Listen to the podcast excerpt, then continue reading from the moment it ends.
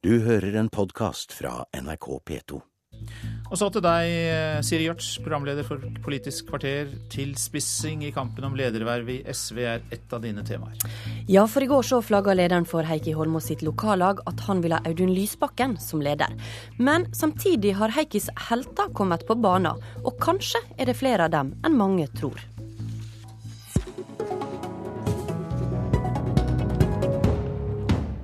Men først til debatten om lyntog. For i dag får samferdselsministeren endelig den store høyhastighetsutredninga i hendene.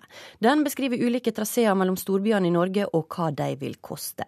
Og Helge Langland, stortingsrepresentant for SV, du er en av de eh, kraftigste forkjemperne for lyntog her i landet. Er du spent?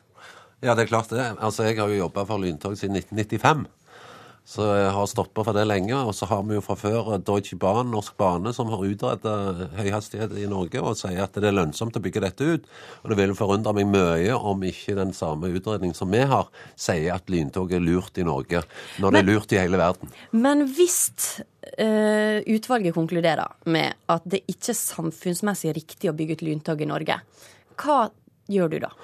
Ja, Da vil jeg se på de regnestykkene. For når Deutsche Bahn har regnet ut at dette er lønnsomt, og det er et selskap som jobber globalt med å bygge ut lyntog Men det er vel visse forskjeller på, på geografien nede på kontinentet og her i Norge? Nei, det er det ikke. Spania, Sveits, uh, you name it. Uh, Fjellene Norge er fullt mulig til å bygge ut masse lyntog, flotte traseer. Folk slipper å, å fyke og forurense. Reise mye kortere mellom de byene i Norge. Dessuten så kan vi bygge landet med dette ved nye stoppesteder ute i, i i, i, Norge, og dermed få vekst, grønn vekst der. Dette er noe folk vil ha, folk flest vil ha. Så dette er jeg veldig fornøyd med, og jeg tror veldig på at en god utredning kommer i dag. Bård Hoksrud, stortingsrepresentant for Frp og lyntogmotstander. Er du spent på utredninga? Jeg er ikke så veldig spent, for jeg er temmelig sikker på hva det kommer, så jeg kan heller helle kaldt vann i huet på Hallgeir Langeland eh, når eh, denne rapporten kommer. Det skal noe til. det skal noe til, ja. Men, men, men, hele poenget er jo altså når man ser på det som har lekket ut, og man ser altså at de holder veldig kort, kort er veldig tett til brøstet, det betyr at det kommer en dårlig rapport for lyntogentusiastene. Eh, og når vi altså vet at det vil koste 6000 kroner mellom Trondheim og Oslo, og det koster 300 kroner hvis du tar en billig flybillett.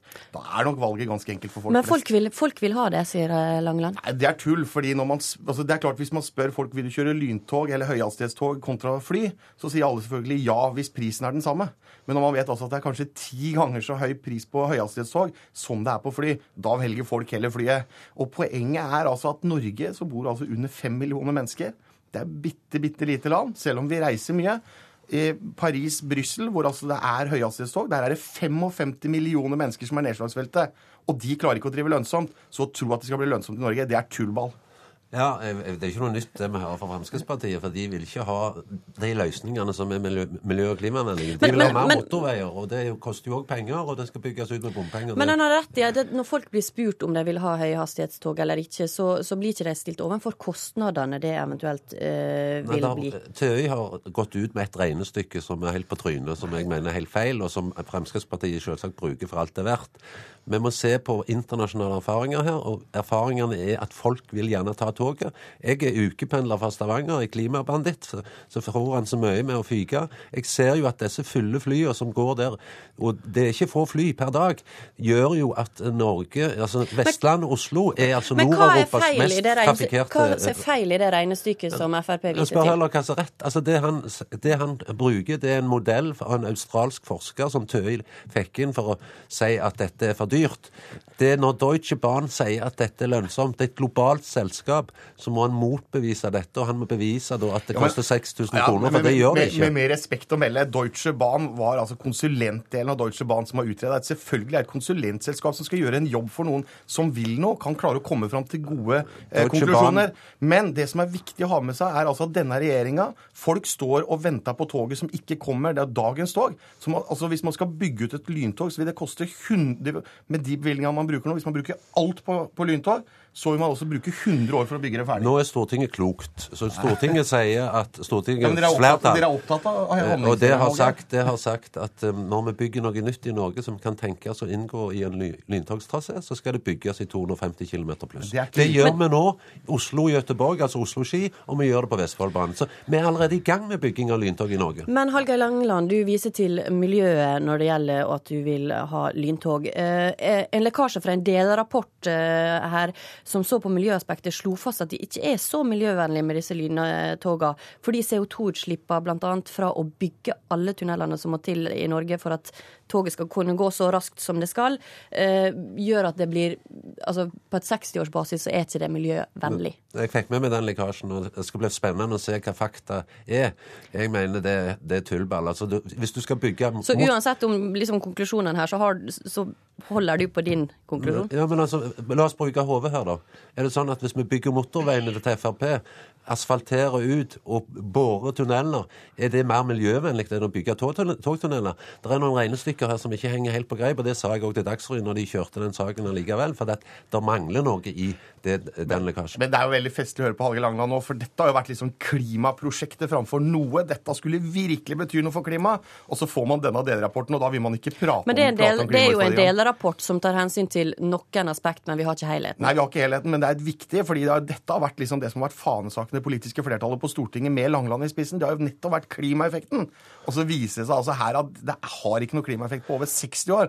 Og da forutsetter man i tillegg at det går på vannkraft, og vi må altså nå importere kullkraft og gasskraftverk fra utlandet for å drifte Norge. Nå har jo aldri Fremskrittspartiet vært særlig opptatt av klima, Nei, men- men det skal de ha. sånn at eh, det at eh, det er negativt for klimaet, som du nå håper på, Bård Hoksrud for Fremskrittspartiet, det får vi nå se i dag, da. Jeg tror totaliteten i dette er at lyntoget er klimavennlig. Det mener de i hele verden, og da tror ikke jeg at det er noe annerledes i Norge. men Langeland, eh, ifølge VG så har dette utvalget da prioritert å se på de innenlandske trasévalgene, og ikke på trasévalgene som går altså mot kontinentet, mot Gøteborg Göteborg og Stockholm. Er ikke det en svakhet med utredninga? Absolutt, og det er jo pga. svenskene, som har en borgerlig regjering som er ne mer negative til lyntog enn det den forrige regjeringa var.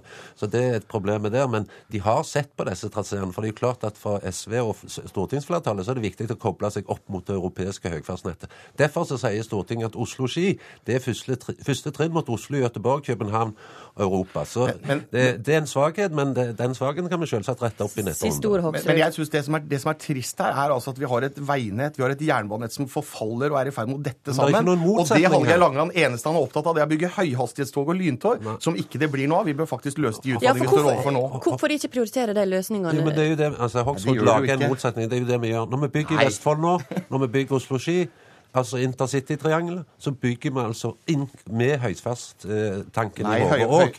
Og det er det vi gjør. Så det er ikke noen motsetning at Fremskrittspartiet dyrker en motsetning som ikke ikke eksisterer. Selvsagt så skal vi, vi ha lokallog og regionaltog Folk som står og venter på de skal ikke perrongen, de på føler toget, at ikke de selvsagt. får det Og da må vi sette stopper for den debatten. Det blir nok mer av den utover dagen, for klokka ett så får altså samferdselsministeren denne utredninga.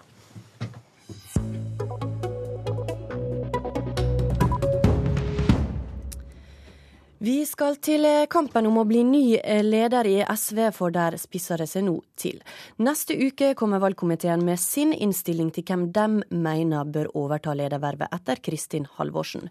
Og i går så gikk du, eh, Per Østfold, som er leder i Oslo SV, og som er da en av, den, en av kandidatene sin, sitt lokallag, Heikki Holmås, og sa at du ville ha Audun Lysbakken som leder. Hvorfor gjorde du det? Ja, For det første så snakker jeg jo da på egne vegne. Jeg kan ikke snakke på vegne av Oslo SV, fordi i Oslo SV er det uenighet om dette. Og vi bedriver med avstemninger i bydelslagene, som det er mange av. Så hvor, hvor flertallet i Oslo SV havner, det vet jeg ikke ennå. Men, Men jeg personlig, men jeg personlig har en mening. Og jeg kjenner begge kandidatene ganske godt. Jeg eh, har samarbeidet med dem, regner begge som mine venner. Og jeg mener at både Heikki og Audun er dyktige politikere som kommer til å ha veldig viktige posisjoner i SV i årene framover. Men så har jeg sagt at for å bli en god partileder, så kreves det jo mye mer av deg enn det å være f.eks. stortingspolitiker eller, eller lokalpolitiker. Du må ha strategiske evner, du må være analytisk. Du må selvfølgelig ha en visjon om hvor du vil den med partiet, altså retningen og målet.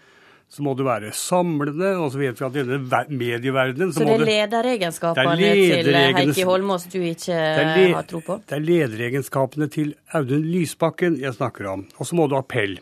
Og da har jeg lyst til å nevne eh, veldig kort en liten historie. Altså, jeg glemmer ikke Audun Lysbakkens flammende appell foran 1000 mennesker på Rådhusplassen i fjor, da han åpnet og holdt appell eh, altså ved åpningen av Gay Pride-uka i Oslo. Og Da Audun gikk av talerstolen, så sto det 1000 voksne mennesker på Rådhusplassen med tårer i øynene. Og da tenkte jeg for en agitator, og for en evne til å kommunisere med folk. Jeg ble veldig begeistret. Men når du eh, som leder av lokallaget, selv om du sier at dette er din personlige mening, går ut og støtter en av kandidatene på denne måten, eh, så, så har det jo en større signaleffekt enn at det er bare du som gjør det. Det kan det ha, men eh, jeg har ventet lenge. Har, eh, for det første så startet jeg med å være usikker i fjor eh, høst, da Kristin plutselig annonserte at hun skulle gå av. Det var en stor overraskelse for oss alle sammen.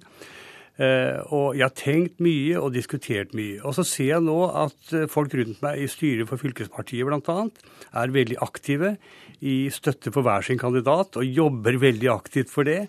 Jeg ser at Heikki og Audun har hver sin støttekomité i Oslo, midt inne i fylkeslaget, som jobber febrilsk for å samle støtte. Og tenker jeg at da må jeg som leder også kunne mene noe, før alle andre har tatt standpunkt. Karin Vik, du er varaordfører i Rendalen og støtter Heikki Holmås i kampen for å bli ny leder for SV. Hvorfor foretrekker du han som eh, leder? Ja, eh, jeg kan jo si at jeg er veldig enig med Per Østfold i mange av de egenskapene han mener som trengs for å være en god leder. Og det er nettopp eh, dette her med appell at jeg mener at eh, Heikki Holmås scorer veldig høyt på. Han er veldig tydelig og direkte i sin kommunikasjon, og jeg syns han når ut til folk på en veldig god måte. Han, han, han treffer folk når han snakker, og jeg tror at dette her med med kommunikasjon øh, er en veldig viktig lederoppgave. Det er veldig mange funksjoner som skal dekkes i partiet.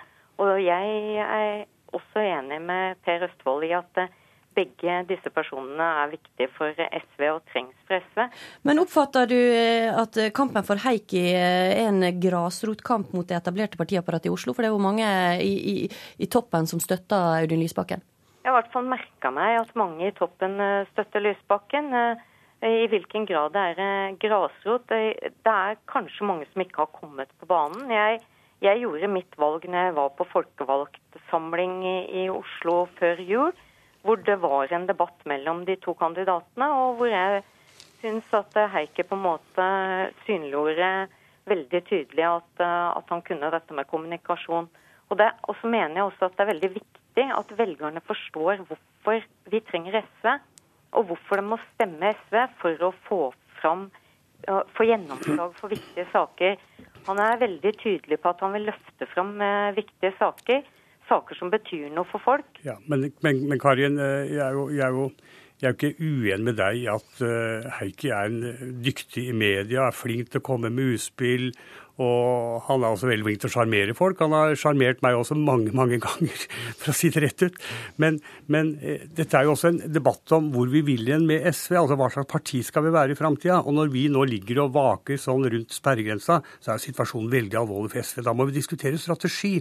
Og da mener jeg, skal vi være et, eh, vi være et nisjeparti som først og fremst snakker om barn, unge og miljø, sånn som vi i stor grad har gjort de siste valgkampene, eller vil vi breie ut partiet og appellere til mange flere enn det vi gjør i dag. Men, men Lysbakken er jo da en del av det etablerte. Han har Absolutt. vært en del av ledelsen eh, som har sørga for at partiet ligger der det ligger nå. Helt enig, men begge disse to har altså sittet veldig nær Kristin Halvorsen, er hennes fortrolige og bærer et kollektivt ansvar, sammen med alle oss andre selvfølgelig, for, for at partiet har gjort det dårlig. Men, men Audun Lysbakken er veldig klar på hva slags parti han ønsker i framtida, hva slags prosjekt han ønsker å bygge. Og dette med å kommunisere, bygge ut partiet, ha et bredere nedslagsfelt, jobbe mer aktivt med fagbevegelsen og med de andre områdene våre, det har jeg veldig tro på. Karin Vik, tror du at Eller nå til uka så kommer valgkomiteen med sin innstilling. Er du spent på om de kommer med én eller to kandidater? Jeg har i hvert fall hørt at eh, det antagelig blir en delt eh, valgkomité, uten at jeg er så veldig opptatt av akkurat eh, hva som kommer til å skje da. Jeg er vel mer opptatt av hva som skjer på, på landsmøtet. Men jeg har lyst til å ja, Nei, da må jeg dessverre avslutte her, fordi at kvarteret det er slutt. Og Siri Gjørts takker for seg i studio. Du har hørt en podkast fra NRK P2.